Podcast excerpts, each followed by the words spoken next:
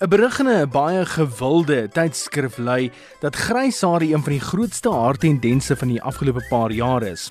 Jong vroue en mans dra deesdae grys hare met trots as 'n seksie bykomstigheid.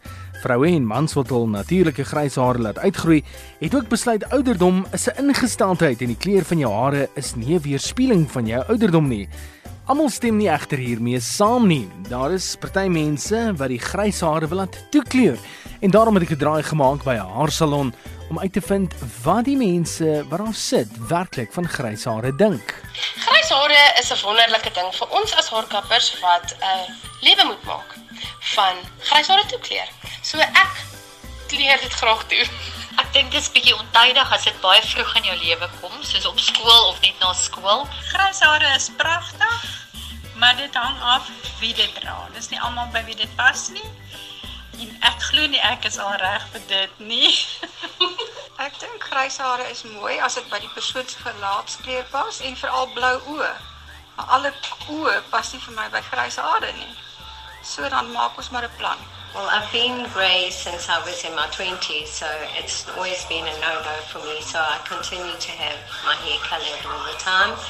Um, but I think it suits some people, and some, if it's a silvery grey, it actually looks very pretty. But for me, it's a no-no. Ek dink dit by die regte gesig is en lyk dit pragtig, maar ek het ook al mense gesien wat stok uitlyk met grys hare. En veral van die jong meisies wat grys hare het, hulle betaal baie geld daarvoor en van die ouer mense wat natuurlik het, wil dit nie hê nie. So dis nou maar 'n botsing daar. Maar wat veroorsaak grys hare? Anders as wat baie mense dink, is dit dalk nie jou kinders wat jou grys hare gee nie. Klein selle aan die onderkant van jou kopvel se epidermis genaamd melanosiete is verantwoordelik vir die kleurpigmente in jou hare. Soos ons ouer word, begin die selle al hoe minder doeltreffend werk totdat dit heeltemal ophou om kleurpigmente te vervaardig. Jou gene bepaal ook wanneer die proses van grys word begin. Rooi koppe word ook gewoonlik vroeër grys as mense met baie donkerder hare.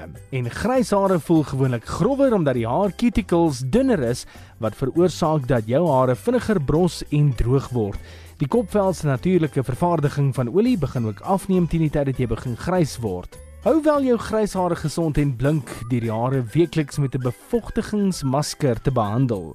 Anders as dit, dra dit dalk met trots. Hulle sê mos grys is die nuwe haarkleur. Selfs George Clooney dra dit mos baie mooi, volgens baie vrouens ten minste.